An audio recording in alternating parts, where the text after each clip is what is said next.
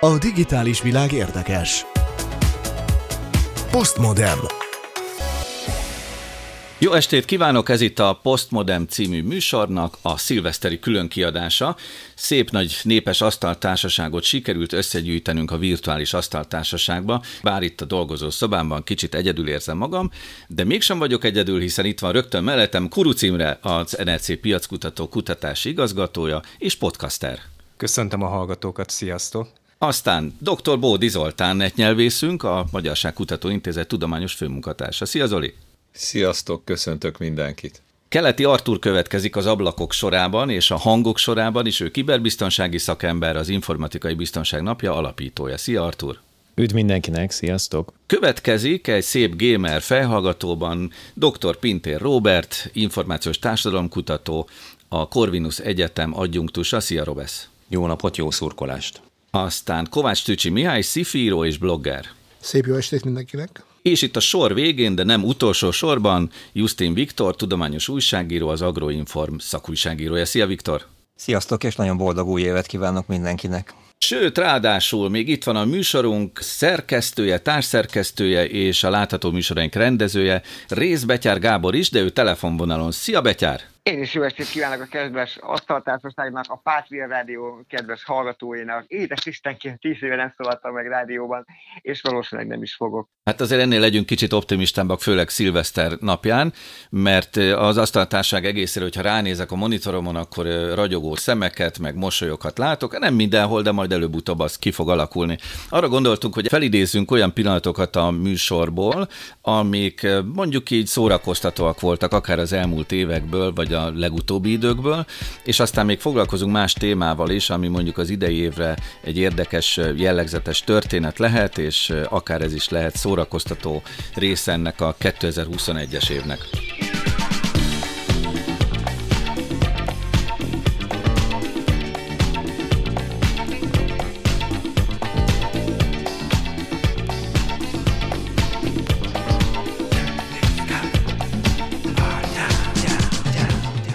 Én arra gondoltam, hogy rögtön az elején elmondom nektek, felidézem azt az esetet, amikor foglalkoztunk egy nagyon furcsa fejlesztéssel.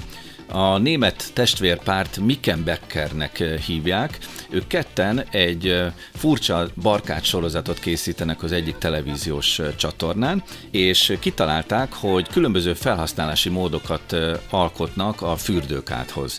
A műsorban egyébként fölmerült, azt hiszem éppen Zoli, te vetetted föl, hogy lehet, hogy mondjuk valamelyik fürdőkádgyártó a szponzora ennek a testvérpárnak, de minden esetre a számunkra a legérdekesebb az volt, hogy Miken Becker testvérek, a Brothers, készítettek a fürdőkádból egy repülő fürdőkádat. Ezt mi a műsorban meg is mutattuk. Nagyon furcsa volt, mert a videó azzal kezdődött, hogy a fiatalember a videóval kijött a családi házból, és mutatta a parkolót az épület mellett. Szemléletesen látszott, hogy döntési helyzet van, hogy most mivel menjen el a pékségbe. Beszálljon a személyautójába, vagy beszálljon a fürdőkádba. Természetesen végül a fürdőkád mellett döntött, és beszállt ebbe a fürdőkádba, amiben még ráadásul egy biztonsági öv is volt, meg egy bukósisak, ezeket fölcsatolta, becsatolta, és aztán szépen fölszállt a fürdőkáddal, és elindult a pékség felé.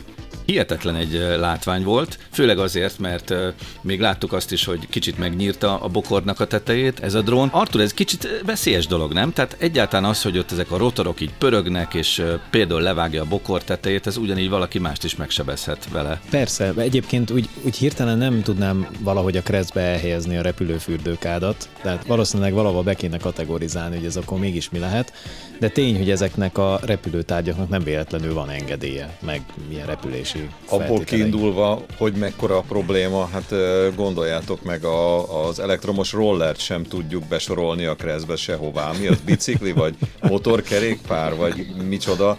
Mit kezdenénk egy fürdőkáddal? És az a kérdés, hogy volt-e benne víz? A felvételen nem volt, sőt, hát ő egy őszi öltözetben ült bele, de hát egyébként tényleg egészen pikáns felhasználásokat is el lehetne képzelni egy fürdőkáddal, ugye, főleg, hogyha jó meleg nyári hónapban indulna el, mondjuk egy csinos hölgy a pékségbe.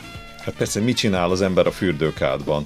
Hadd kérdezek valami, Zoli, ne haragudj, hogy azt mondtad, hogy, hogy még akár lehet víz is, de az mi történik akkor víz van benne? Tehát, hogy az rossz, vagy jó, vagy Tehát nem tudom eldönteni, hogy mi, mi tehát egy repülőfürdőkád az miért rosszabb, vagy jobb, hogyha van benne víz, vagy nincs. Abból indultam ki, hogy a fürdőkádat mire szoktuk használni. Egyébként lehet, hogy én tévedek, és valóban az az igazság, hogy a fürdőkádat azt repülésre szoktuk használni, de hát nem tudom, szerintem ruhátlanul ülünk benne, úgy, hogy a fürdőkádban Jim víz van. arra használta. Úgy. Na jó, Tehát ha azt mondod, hogy van benne víz, akkor feltételezzük, hogy aki benne van, az mesztelen. Tehát akkor ez volt a logika, nem? És akkor ez hogyne. így már azért nem annyira jó. Á, világos. Hm, értem, ez de, valóban de ez veszély. így közel áll hozzád, nem? Ezt nem tudom, miből vontad le ezt a következtetést. Tehát, hogy ne, nálam még fürdőkád is épp hogy van, tehát éppen most tervezzük lecserélni valami zuhanyzóra a dolgot, úgyhogy én már nem fogok tudni repülőfürdőkáddal sehova sem menni. Én viszont tudom, hogy honnan jött az ihlet a fürdőkádra. Nem tudom, emlékeztek a Vaszlavik Gazember sámánnak a egy rózsaszín fürdőkáddal ment a körúton, és ezt megénekelt, és mögötte jött a medve. Én nem hittem volna, hogy ez valaha megvalósul, most rákerestem itt a fürdőkádra, hát nem akarok erős szavakat használni, de ez, ez, ez fantasztikus. Az a durva, Robesz, hogy úgy látszik, így az online térben is működik a telepátia, vagy így hatunk egymásra. Én pont ugyanezt akartam mondani, és én is rákerestem, mert nem voltam benne biztos, hogy a szövegben repül-e a káddal, vagy nem.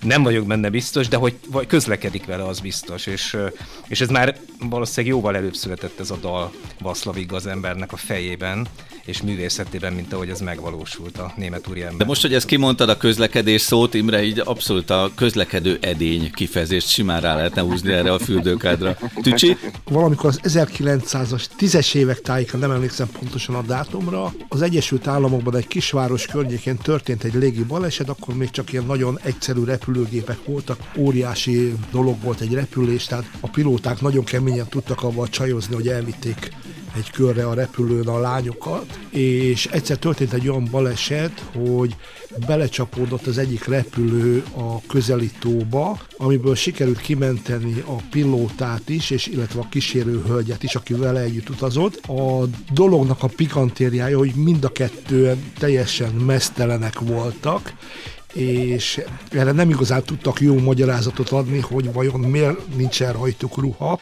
úgyhogy valószínű ők a emberiség történetében az elsők, akik a repülés közben szexeltek, mondjuk ki. Ezt mondom, hogyha veszük még egy fürdőkáddal, akkor ez már az no plusz ultra az egészben. Én tudom, mi történt, hát fürödni akartak, az ember nem ruhába fürdik. És mint a léghajóról előre kidobálták a ruháikat, hogy ne essenek nagyon. Egyébként tényleg ennek a Mickenbecker testvérek által kifejlesztett repülőfürdőkádnak lehetne egy újabb verzió, egy 2.0, amiben mondjuk már egy ilyen zuhanyzó alkalmatosságot is beépítenek. Tehát sokkal látványosabb lenne, képzeljétek el a város fölött úgy repülni, hogy a pékség felé, félúton, még le is zuhanyzol menet közben. És amikor nagyon magasan vagy, kiadhatja a parancsot, hogy zuhany. Zuhany!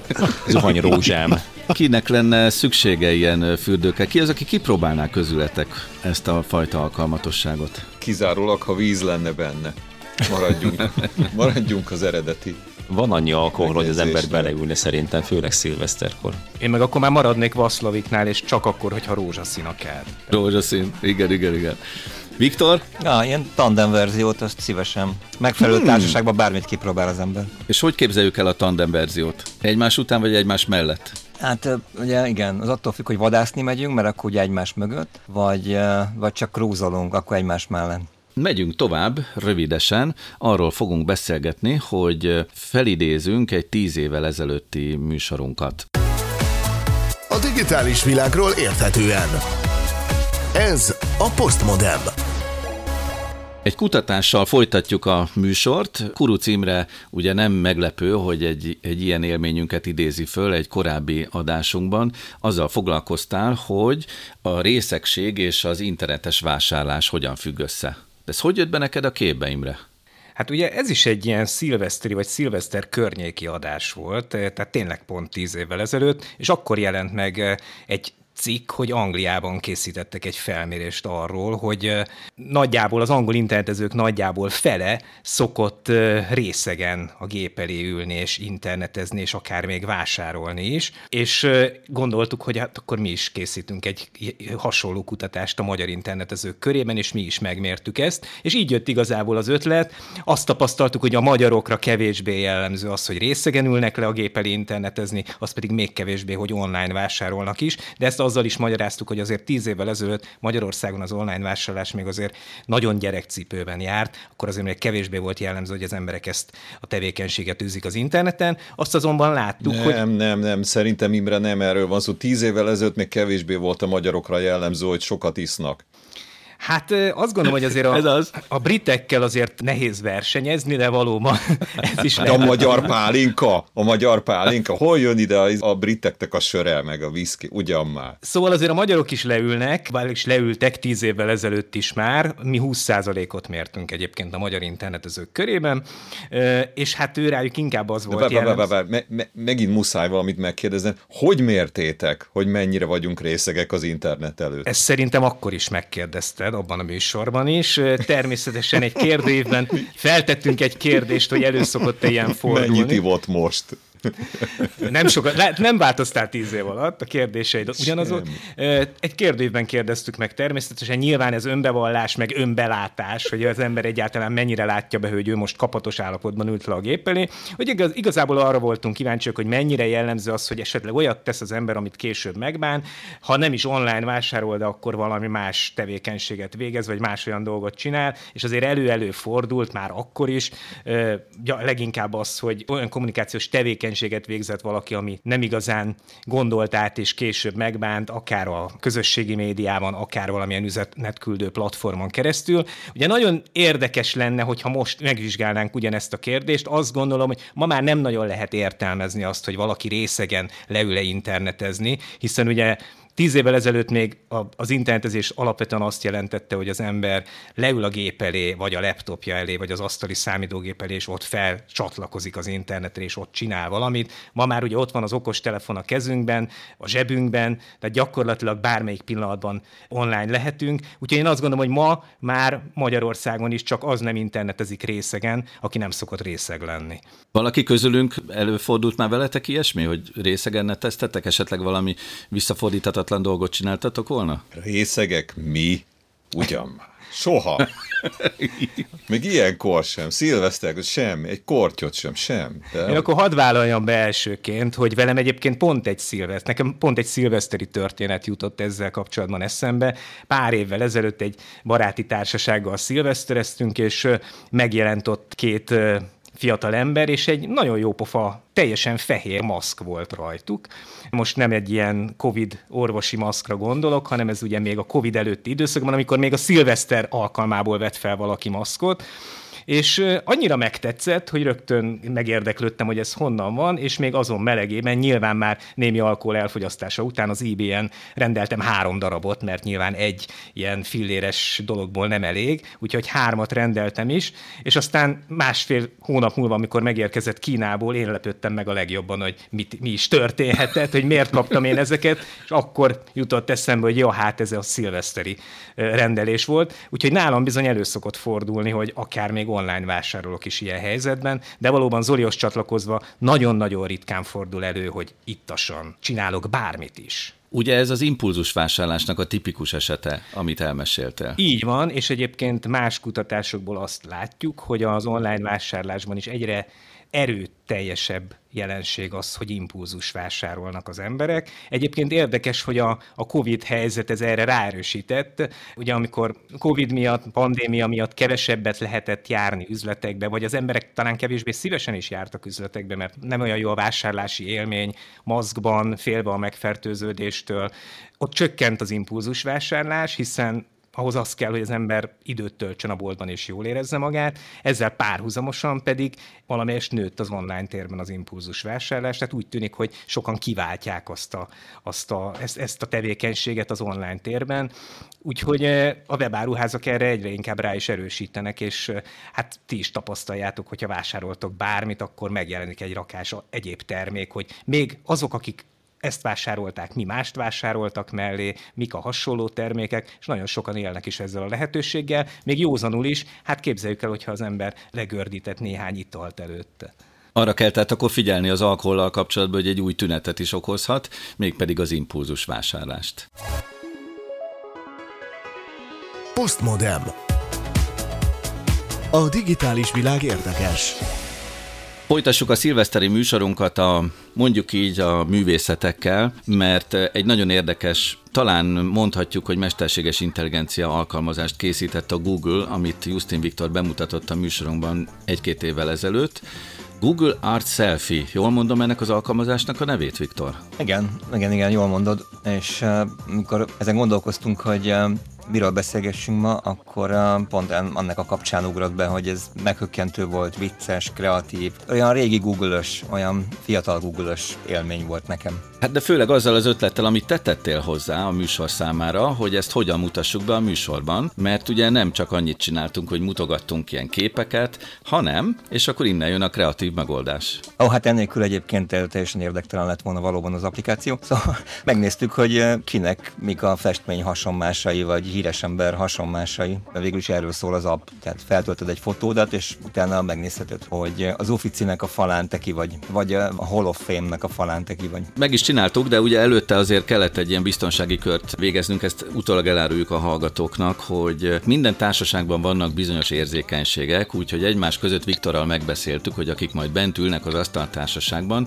jelesül például Keleti Artúr, meg például Bódi Zoltán, hogy hát az ő fénykép másukkal majd most mindenfélét fogunk itt elkövetni, és meg is fogjuk mutatni a műsorban, tehát jó lenne, hogyha megnéznék majd adás előtt, hogy mit fogunk készíteni belőlük. Emlékszel, Viktor, hogy, hogy milyen képmások készültek végül? Ú, hát őszinte leszek. Most ez a lelepleződés pillanata, hogy minden olajfestménynek maga felé hajlik a kezem, mert én magamra emlékszem, hogy én ki voltam. Hát azt akkor mondd el. Woodrow Wilson voltam, aki egy amerikai elnök, és Elvis Presley, olyan szerénytelenül de tényleg, röviden tényleg hívhatsz csak a királynak nyugodtan. Jó, de akkor ezt akkor most meséljük el ezen a ponton, hogy ugye arról van szó, hogy befeltöltöttük a saját képünket, és a Google Selfie Art pedig összehasonlította, és bizonyos jegyek alapján mondta azt, hogy hány százalékos az egyezés. Igen, igen, százalékos egyezés is volt valóban. Uh-huh. Több tízezer festmény és, és képmás alapján válogatott, szóval lehetett vele játszani, hogyha nem tetszettél magadnak, vagy nem akartad bevállalni az adott alter egót, akkor, akkor lehetett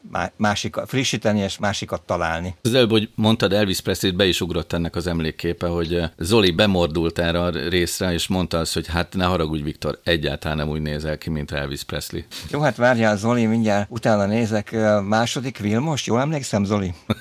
Ezen gondolkodom végig, hogy vajon én kinek a képmásában formában jelenhettem meg ebben az alkalmazásban, és most miközben itt beszéltetek, nyilván ti se láttatok, a hallgatók még annyira sem látták, én bizony rákerestem a telefonomban, és mind gondoltok, mi történt? Már nincs a telefonomon ez az alkalmazás, nem tudom megmondani, hogy kinek a képében jelentkeztem. Most jó, viccelődünk, de azért ez valahogy zseniális, hogy van egy olyan rendszer a háttérben, amelyik látja az én fotómat, tehát értitek, látja a fotómat, és látja a képeket, pedig nem ember, valamilyen szerkezet, szoftver, nem tudom, és a hasonlóságokat megállapítja. Tehát ez azért a háttérben szerintem zseniális. Amellett pedig tényleg nagyon-nagyon vicces, tehát hosszú órákon el lehet vele szórakozni. Rengeteg alternatívát felkínál, hogy, hogy ha, mit tudom én, harmadik Richardként hogy nézek ki, meg Mátyás királyként, meg mit tudom én, ami benne van a, az adatbázisában, nagyon szórakoztató valóban. Az én arcomat például Boris Pasternák orosz íróval találta hasonlatosnak ez a rendszer, meg is lepett vele, mert szerintem eléggé furcsa volt így egymás mellé téve. Mégis volt benne valami olyan hasonlatos, tehát hogy a, ugye az arc karakterbe, a, a, az arc berendezésünk egy kicsit hasonlított egymásra Boris Pasternákkal. Én, én azt mondanám, hogy a hangotok, a hangszínetben van valami, ami legalábbis, ha jól emlékszem. Ilyet is tudna a mesterséges intelligencia. Artur, te emlékszel, hogy kire hasonlítottál? Nem, én sem emlékszem. Az élményre emlékszem, hogy mutattatok ilyen alakokat. Az én esetemben nem olyan nehéz valakit találni, mert én gyakran találkozom saját magammal az utcán, tehát a, a kopasz, szakállas emberből rengeteg van. Ez annyira így van, hogy például már volt olyan, hogy, hogy az egyik ilyen munkahelyemen konkrétan az egyik kollégámmal gondolták azt, hogy testvérek vagyunk, csak azért, mert mind kopaszakodunk és szakállasok, illetve a szakmámban egyre jobban terjed az az elképzelés, hogy, hogy nagyon sok ilyen ember van, és ez direkt van így, tehát hogy a mi szakmánkban muszáj kopasznak lenni. A kiberbiztonságra gondolok, értitek, a biztonság része a kopasz, a kiber meg biztos a szakál, vagy én nem tudom. De szóval én nem, én nem emlékszem, hogy ki voltam, de arra emlékszem, hogy, hogy, hogy nagyon, nagyon megütött, mert jó, jó pofa volt. Jó, jó, érdekes élmény volt, hogy megmutattátok. Sokkal egyszerűbb, ha már nincs olyan, mert akkor nem tud kihullani az idegességtől, mint ami azért az IT biztonsági szakmában Igen. eléggé gyakran előfordul. Ezt értem, és miből gondolod, hogy nem ezért van így? Tehát, hogy ez a végállapota tulajdonképpen a dolognak, és az volt, az következett be, amit mondtál.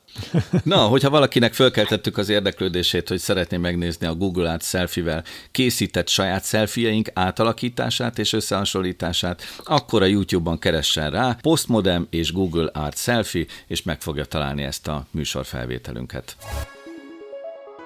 A digitális világ érdekes. Postmodem. Most pedig rádiós kollega úrral, Rész Betyár Gáborral folytatjuk itt a telefonvonalban, mert ő keresett nekünk egy olyan felvételt, amit szeretne megmutatni nekünk. Na mit, Betyár? Kérem szépen egy olyan felvételről van szó, amit az éves rádiós pályafutásom alatt végig készültem, hogy egyszer majd valahol egy rádióműsorban le fogok játszani, és előbb hagytam ott úgymond ezt a szakmát, mint hogy sikerült volna lejátszanom egyszer is, úgyhogy végig nagy vágyam teljesül egyébként, hogy egy olyan számot megosztások a kedves közösséggel, ami eleve a számnak a címe már önmagában figyelemfelkeltő, hiszen az a címe, hogy nem fogják játszani a rádióban soha, pedig most mégis meghallhatjuk egy igen kiváló magyar humoristától. A felvételnek a, az elektronikus vagy a, vagy a, a természettudományos megközelítése szerint pedig azért szílik a postmodern stábjához, mivel rengeteg elektronikus zaj, zöre, illetve effekt hallható ebben a számban, méghozzá szerintem az egyik legzseniálisabb tálalásban Galla Miklós tolmácsolásában. Nem fogják játszani a rádióban soha ezt a kis dalt, ezt az új dalt. Nem mintha vagy telen lenne, csak hát a es szavak botrányosak. A rádióban sose lehet sem sem, sem. És nem mond, hogy meg kéne mi a nőt, csak hogyha orvos vagy és lanya. Szóval nem fogják játszani a rádióban soha, ezt a kis dalt meg seket zavar, hiszen a a főnökök szerint az egész egy nagy kalap. Na Betyár, hát ez tényleg egy elképesztő felvétel, még a közönség hangját is hallottuk. És ők is nagyon élvezték, hiszen eh, ráadásul eh, ugye élőben azért látni hozzá a, a művész urat, ahogyan ő a, a maga sajátos, és mégis talán leginkább Andy Kaufmanra emlékeztető stílusában előadja, azt hiszem, hogy még akkor is, ha ebből a szempontból másolatnak tűnik, de utánozhatatlan szerint. Valóban, és ezt érdemes volt meghallgatni itt a rádióban. Volt még egy másik ötleted is, azt elmeséled nekünk, mert volt egy jó történet a műsorban, amit, amit kiszúrtál magadnak. Igen, én kérem szépen, a Díszes Asztaltársaságból is most külön kiemelném a, az Artót, aki amúgy rengeteg látható rádiós adásnak a, a vendége volt, és minden alkalommal amúgy tehát amikor az Artur megérkezik hozzánk egy ilyen műsorban, akkor vagy eleve izgalmas, szórakoztató kütyükkel, például távol-keletről, vagy izgalmas, érdekes történetekkel jelentkezik. Ez így történt egy alkalommal szintén, amikor beszámolt egy amúgy igen neves csillagász tudós emberről, egy asztrofizikusról egyébként, aki vette magának a bátorságot a Covid idején, végülis még most is Covid idő van, és úgy döntött, hogy feltalálóként megmenti a Földet, méghozzá néhány neodín neodímium mágnes segítségével, hogy ez a sépreményű és nagyhívű történet aztán végül miért végződött mégis a kórház ügyeleti első, osztályán. Ügyeleti osztályán, az csak Arthur szintén utánozhatatlan, ragyogóan felépített történetvezetéssel előadott meséjéből derült ki, hogy uh, hogyan is uh, végződött ez a világ megváltó ötlet egy uh, sokkal kínosabb és sokkal szörnyűbb szituációban, mint amit maga a fiatal és a szakmájában igen nagyra tartott csillagász elkövetett sajnos saját maga ellen. Azért került ilyen szörnyen kínos helyzetbe szegény csillagász, mert föl akar találni egy olyan talán fejpántot vagy valami, ami hogyha az ujjaddal közelítesz az orrod vagy a száz felé, akkor jelez. És ehhez kellettek neki a mágnesek. Csak sajnos egy óvatlan mozdulat következtében az egyik mágnes a másikkal sokkal nagyobb barátságba került, és ezért föl szippantak az orrába az embernek, ami mi nem lett volna talán akkor a katasztrófa, ha nem próbálta volna meg újabb mágnesekkel kihalászni a már becsúszont mágneseket. Ez volt az a csodálatosan felépített történet, és az Artur részéről, ami nekem mindenképpen az első volt. És emlékszem, hogy, hogy igen, most már így vissza, vissza, visszatértek ezek az emlékek, hogy megpróbálta, ugye először is a két mágnes összeugrott az orrában, amit ugye tudjuk, hogy a neodymium mágnesek erre képesek. Ez egyébként már magában nagy fájdalommal járhatott, és amikor megpróbált további mágnesek segítségével kiszedni, akkor azok fölröpültek az orrába, és a dolog egyre mélyebbre csúszott. ha jól emlékszem. Vagy egyre magasabbra. Igen, és még csak ezután... 11 éves kisfiút ennek a YouTube videójából verített ihletet, hogy a 11 éves kisfiúnak amúgy sikerült kiszednie a mágnesen az orrából a másik mágnes, de valamit a kisfiú jobban tudhatott, mint a csillagászunk, aki ezúttal egyébként teleszkóp nélküli csillagokat látott. És még csak ezután jutottak el az ügyeletre, mert van, van. ekkor gondolták, hogy komoly a helyzet. Igen, azt hiszem, hogy a felesége, aki szintén ebben a szakmában tevékenykedik, ő érezte azt, hogy valamit kellene tenni, de azért, azért ez tényleg elgondolkodtató, hogy tehát az asztrofizika az egy nagyon rugalmas dolog, és így végtelen lehetőségek, többdimenziós határok is vannak ebben a dologban, mert azért ő bejárta, bejárta itt a mélységeit ennek a, ennek a témakörnek. Meg a magasságait is. Gyerekek, hogyha szabad, akkor lehet még muszáj egy teljesen magyar vonatkozású anekdotát elmesélnem. Egyszer egy kollégőnöm elmondta, hogy ő régebben a KFK-ének a Konkolitege intézetében dolgozott ugye egy csillebért mögött, és a szép új épületnek a szép új főbejárat, ami egy ilyen hatalmas üvegajtó, azt mesélte, hogy állandóan teli van ilyen tenyérnyomokkal, mert a, az elborult tudósok jönnek, és így nem, nem veszik észre, hogy ott van az üvegajtó. Ez egy teljesen létező dolog, hogy valaki attól, hogy csodálatos szakértő, ilyen valamilyen témának, például a csillagászatnak, vagy az asztrofizikának, az nem jelenti azt, hogy a következő sarkon nem ütteti el magát az első zebránál egy autó. Hát igen, ugye a, természetes intelligencia az nagyon kellene azoknak is, akik esetleg ilyesmikkel foglalkoznak már. A mágneses ortól és Galla Miklóstól elindulva így fogunk eljutni rövidesen a mesterséges intelligenciához nem soká. A digitális világról érthetően. Ez a Postmodem. Hát fogalmam sincs, hogy honnan fogunk elindulni Keleti Artúr történetével, de az biztos, hogy lesz benne mesterséges intelligencia, lesz benne kamera, sőt, birka kosztüm is. Na, ezt hogy mixeled össze, Artúr? Nagyon egyszerűen kamera előtt egy birka kosztümöt láthatunk, és kész is vagy. Ja igen, és egy mesterséges intelligencia nézi. Egyébként valami ilyesmiről lesz szám szó, mert egy kicsit ez is visszatekintés, mert hogy beszélgettünk, e, lehet, hogy még akár erről is a műsorban, csak nem tudom visszaidézni, hogy pontosan mikor.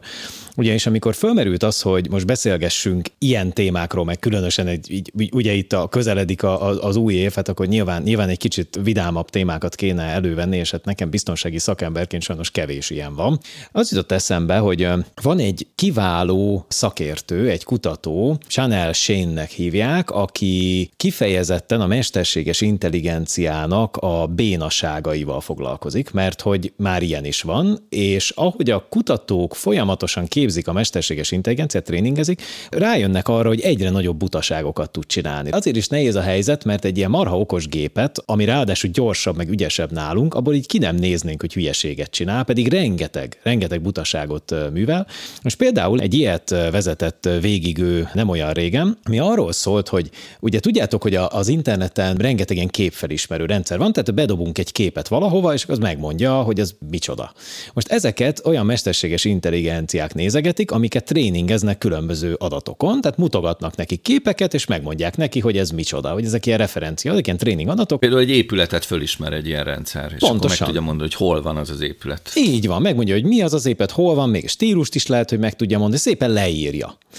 Ilyen van a Google-nek, a Microsoftnak, sok mindenkinek. Na most ő megmutatott egy ilyen rendszernek egy képet, amin egy gyönyörű ilyen alpesi legelő volt birkákkal. És akkor mondta a rendszer, hogy ez egy alpesi legelő birkákkal. Birkákkal. Talán nem alpesi, hanem csak azt mondta, hogy legelős birkák legelésznek rajta. Ez kipróbálta minden rendszer, és ez tök jó működött. Majd egy ponton levette, lefotoshopolta róla a birkákat, és visszaadta neki a képet. Csak azt mondta mindegyik mesterséges intelligencia, hogy nagyon jó, köszönöm szépen ezt az új képet, ez egy ö, csodálatos alpesi legelő birkákkal. Csak azok már nem voltak rajta a képen. És ezek után azon gondolkodott, hogy ó, biztos ez azért van, mert a mesterséges intelligencia fölismeri, hogy ez majdnem ugyanaz a kép, hát nem így kell csinálni, hanem olyan képeket kell neki beadni, ami hasonlít ehhez, de egy másik kép, tehát nem, nem csak lefotoshopoljuk a birkát, hanem tényleg nincs rajta birka. És akkor berakott ilyen képeket, erre is azt mondták, hogy ez egy gyönyörű legelő birkákkal.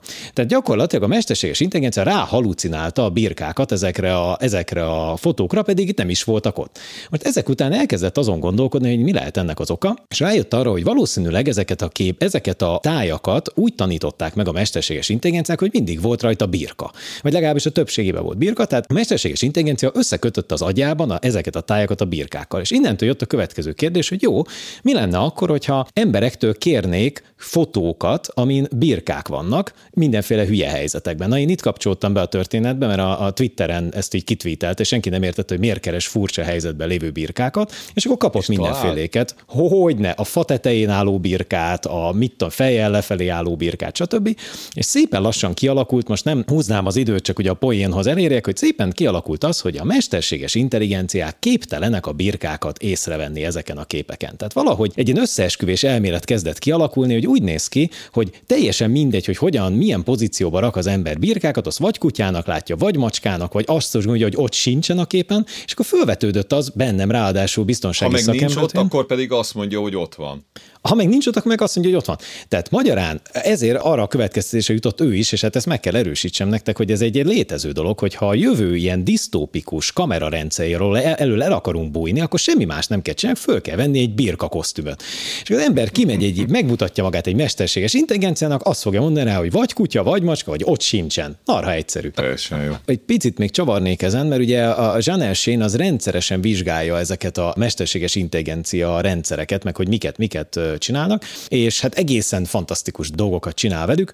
Például nemrég egy tanulmány az én kedvenc témámat, nem most nemrég jött ki, az én kedvenc témámmal foglalkozik azzal, hogy mikor lesz a mesterséges intelligenciák a norma rendszerekhez valami köze. Tehát megérti-e mondjuk az etikát, hogy hogyan viselkedhetünk etikusan, mindig ezt kérjük számon ugye a rendszereken, és csináltak egy ilyet, amit meg is lehet demóban nézni egyébként. Van egy demo a Delphi alenai.org-on, ahol bárki megnézheti ezeket, és ott beírhat mondatokat, és arról a mesterséges intelligencia megpróbálja megmondani, hogy ez jó vagy nem jó. Viszont látszik, hogy itt is probléma van ezekkel a, ezekkel a tréning adatokkal, mint a másik helyen is, mert például, ha azt megkérdezzük tőle, hogy mondjuk ellopni egy zsiráfot az állatkertből, az jó ötlete, akkor erről azt mondja, hogy nem, nem, ez, ez nagyon rossz ötlet. De hogyha azt kérdezzük tőle, hogy ha azért lopjuk el a, a zsiráfot, mert ez egy valóban marha jó pofa zsiráf, akkor azt mondja, hogy ez így teljesen oké. Okay.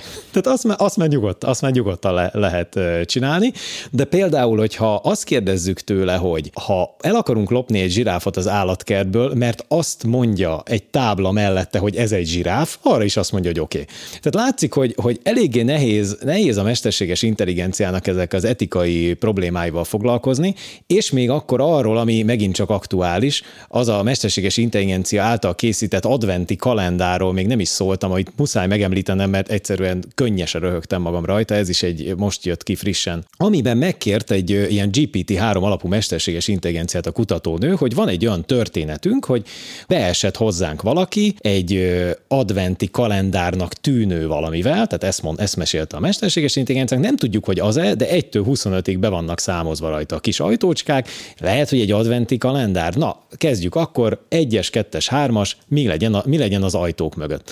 És hát akkor a mesterséges intelligencia elkezdett ötleteket adni, hogy mi minden lehet az ajtók mögött, és például ilyeneket mondott, hogy Hát úgy tűnik, hogy a, mondjuk a 15-ös ajtó mögött egy adag kenyér van, ami repül az égen, és ez a kenyér úgy tűnik, hogy tűzlabdákat dobál a télapóra. De ez honnan jött neki? Ha mit, ha miért halucinált? Teljesen Aztán például- reális. Abszolút reális. Aztán itt van például a télapó, aki miközben palacsintát eszik, egy nagy lajháron lovagol. Az utolsó csavar rajta, hogy mindezt ráadásul megetette egy olyan mesterséges intelligencia rendszerrel, ami pedig pixel grafikákat rajzol ezekből a képekből. Úgyhogy ha valaki meg akarja nézni, hogy mondjuk a télapó hogyan cipel iszonyat mennyiségű súlyt a szakállával, vagy hogy egy mondjuk egy sárkány hogyan eszik meg egy karácsonyfát pixel artban, és mindezt úgy, hogy a mesterséges intelligencia ezt egy adventi kalendárból vezette le, akkor az aiweirdness.com-on megtalálja ezeket a csodálatos képeket. Azt árult még el, hogy melyik a ajtócska mögött volt a birka kosztüm.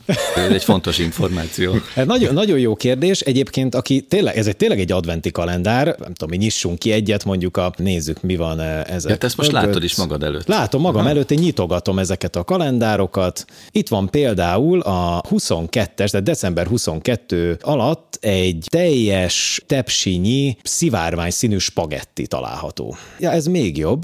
Azt mondja, egy, egy farkas csorda pókert játszik egy asztal körül. És hogy ez miért jutott eszébe a mesterséges intelligenciának karácsonyról, azt nem lehet tudni, de hát látható, hogy ezzel a problémával a jövőben szembesülnünk kell, mert hogyha mondjuk egy etikailag, nem tudom, mértéket tartó mesterséges intelligencia baromságokat tud beszélni, akkor nem tudom, hogy hogy bízzuk majd rá a következő szilvesztert. Viszont azt tudjátok, hogy a bárányokkal mi a helyzet. Hallgatnak. Hallgatnak. 1968-ban írt a Philip K. Dick, álmodnak az androidok elektronikus bárányokkal. Így igaz. Nem, nem álmodnak, de ébren se tudnak velük foglalkozni. Tehát valószínűleg ez 68-ban ott eldőlt, hogy a bárányok azok nincsenek ott vagy álmodnak vele, és ezért nincs benne a valóságban. De hát van helyette szivárvány színű izé, spagetti, egy egész tállal. Mit akartok még? Amiket Artur mondott, arról meg pont az jutott eszembe, hogy olyan, mintha álmodna a mesterséges intelligencia. Én nagyjából ilyeneket szoktam álmodni, amikor emlékszem rá.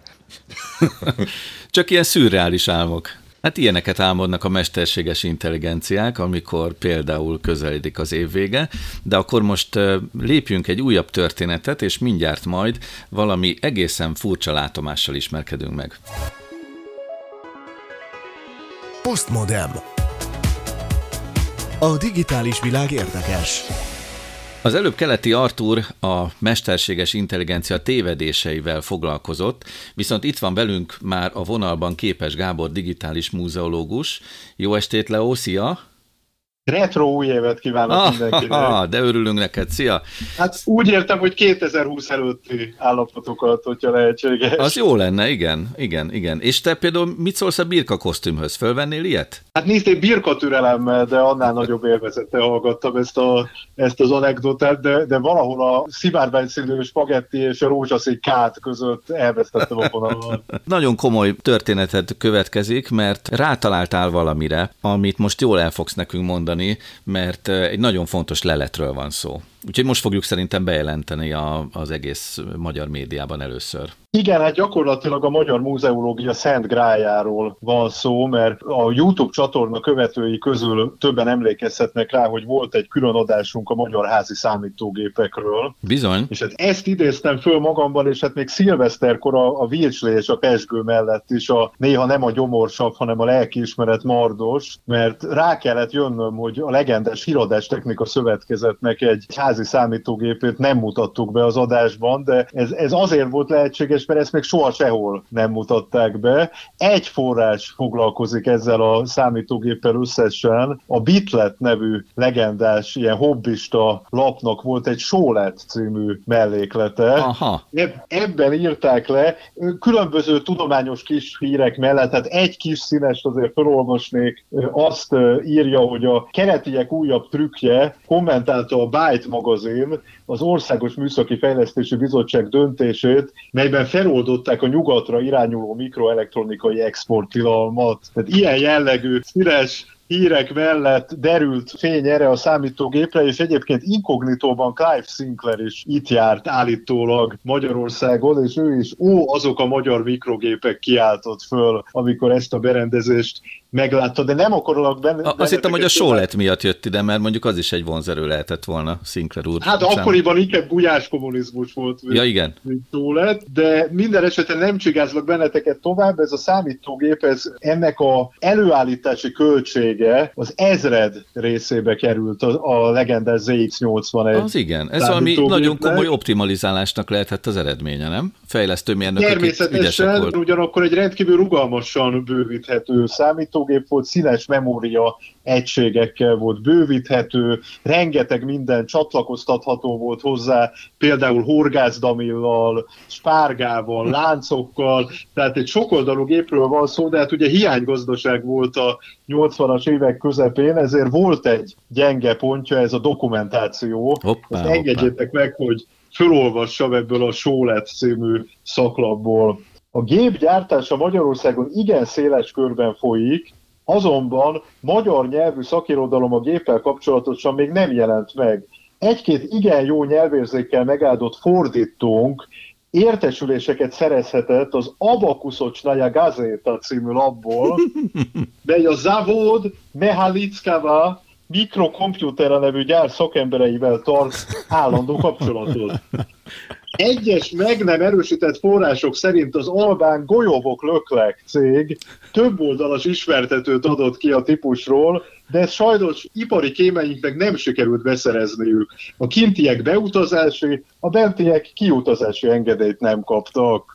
No, Hát lehet találgatni a Golyovok Löklek nevű albán testvérvállalat kapcsán, hogy milyen szerkezetről van szó. Ránézek itt a társaságra, van valakinek ötlete, hogy milyen szerkezetről van szó? Valami golyó formájú? Uh-huh. Szerintem ez közeli, ugye, Leo? Igen, igen, igen, közeledik. Golyovok Löklek. Akkor még egyszer felolvasnám ezt a szakfolyóiratot, az Abacus Ocsnaja Gazeta. Aha, igen. Tehát számológép, golyós számológép. Így van, hát itt valójában nem egy számítógépet, hanem egy ilyen abakuszt ír le a Jaj, szerző, abakusz, igen. A típus neve az, hogy HT00WC.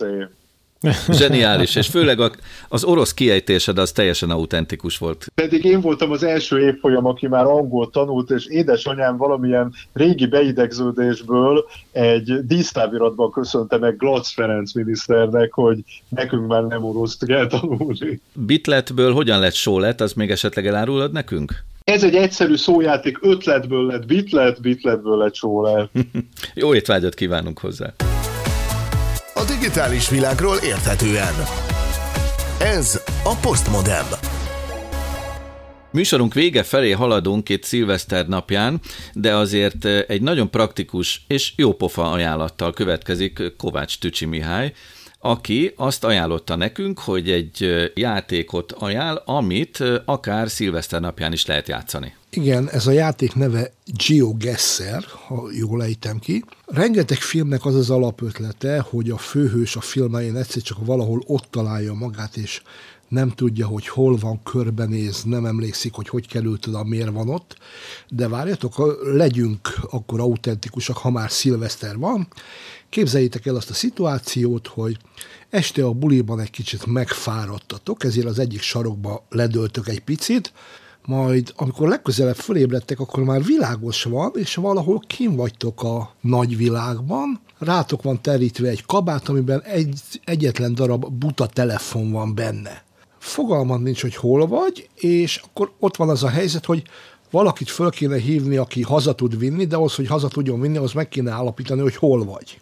Gyakorlatilag ezek a játéknak ez a lényege, a Google térképnek az utcai nézetét használja. Elkezded a De játékot. egyébként te kerültél már ilyen helyzetbe, Tücsi? Nem, én író ember vagyok, én mindent ki tudok találni. De miért egy szilveszteri műsorba tettétek egyébként ezt a ajánlatot? Nem is értem. Pedig úgy el tudnám képzelni Tücsit egy, egy szál kabátban és egy hagyományos telefonnal valahol kint a szabadban. A Szaharában. Szaharában például. Az se rossz. Miért oda is ki lehet kerülni a Szaharába? A játék lényege az, hogy a Google Street View-nak a képeit használja. Tehát egész, amikor Aha. azt mondod, hogy elkezdesz játszani, oda kerülsz egy helyre, és járkálhatsz az utcán, nézheted, nézhetsz mindent, ugyanúgy használja a Google Street view tehát ö, ki vannak takarva a rendszámok, illetve az arcok, de például az utcaszáblák, feliratok, azok vannak.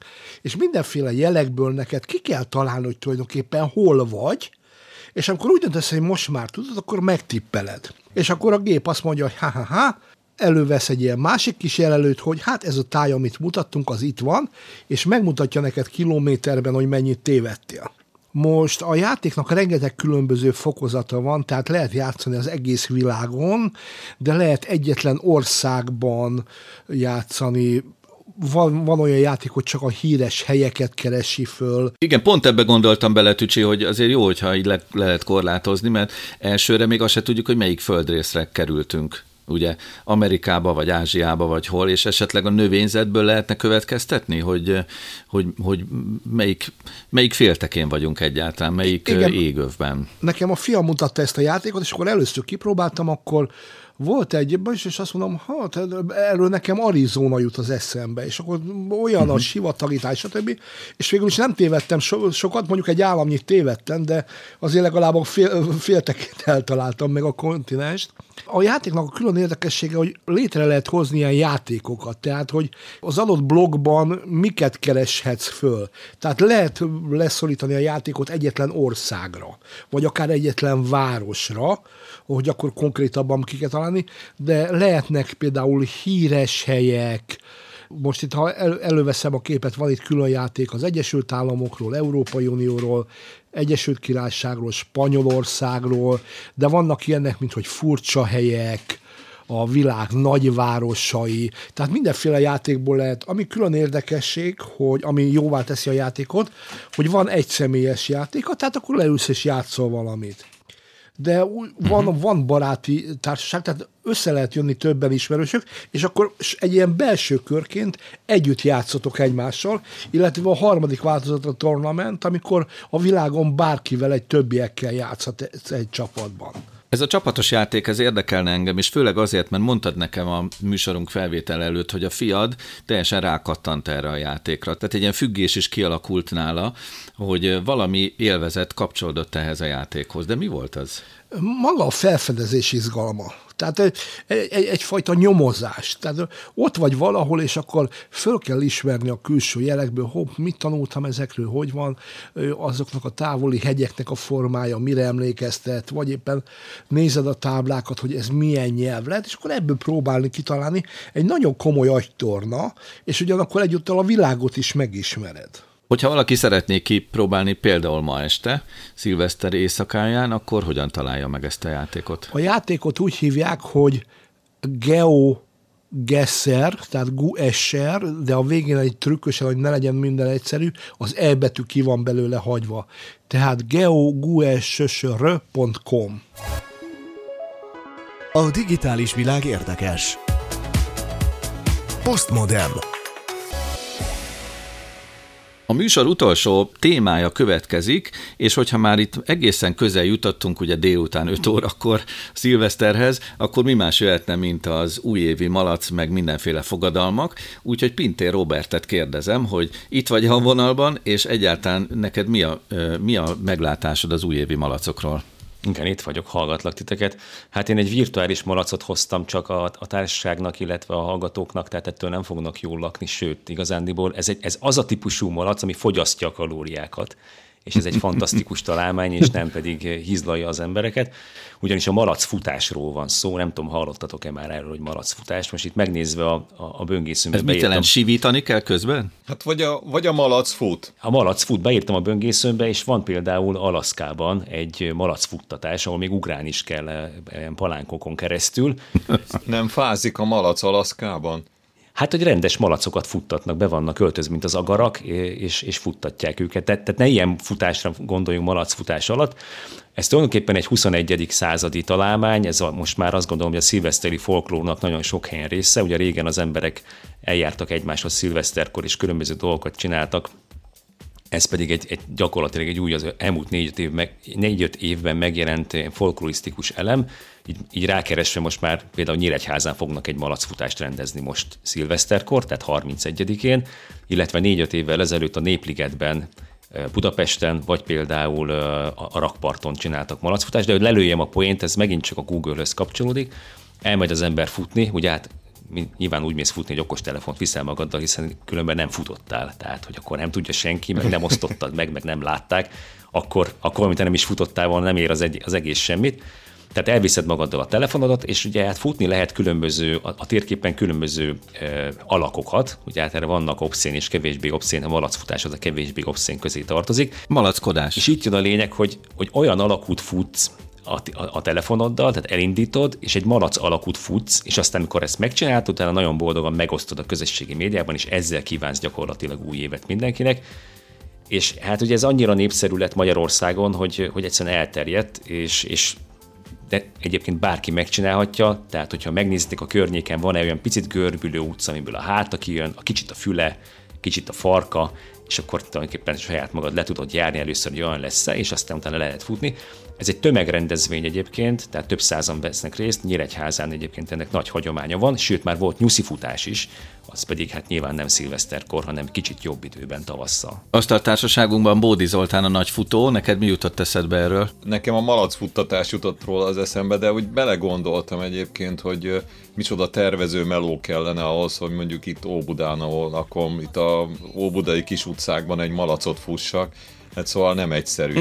Nem egyszerű. Egy gilisztát talán tudsz. Ne? Egy gilisztát egészen biztosan ö, fog sikerülni, de hogyha itt összegzem a műsort, akkor biztosan segít hozzá, hogyha rózsaszínű és külön rózsaszínű repülőkáddal fogok futni malac alakban, és szivárvány színű spagettit fogok hozzáenni, és biztonság kedvéért, hogy nehogy valaki észrevegyen, fölveszek magamra valamilyen bárányjelmezt. Birka kosztümöt? Birka kosztümöt. És közben pesgőzöl és vásárolsz az interneten. Tehát, hogy ez igen, igen, igen.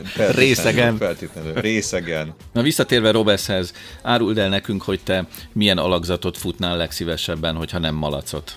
Én bármiért, mert most már jó néhány éve nem tudok a térdem miatt futni, tehát bármi jöhet. Egyébként sétálni szoktam, lehet, hogy le fogok sétálni valami kellemes karácsonyfát, vagy valami hasonlót. Meg kell nézni az utcaképet, nem olyan egyszerű azért bármit csinálni, inkább parkba lehet kreatívkodni. Tényleg erre valami kreatív eszköz kellene létrehozni, hogy, hogy hogyan lehet megtervezni a létező utcákból, vagy a létező földrajzi elemekből létrehozni valamilyen olyan rajzot, ami tényleg hát ki felül, felülnézetben szerintem egy rózsaszín fürdőkádból sok vízzel. Nekem is eszembe jutott egy régi mém erről egyébként, amikor mindenki pallos, pallos alakú ugye ez alul két, két nagy, alul két oldalt, két nagy ilyen gömbszerű valami, felül pedig egy hosszú rút középen. Én nem is értettem, és ezen mindenki, mindenki osztogatta, hogy palos alakú.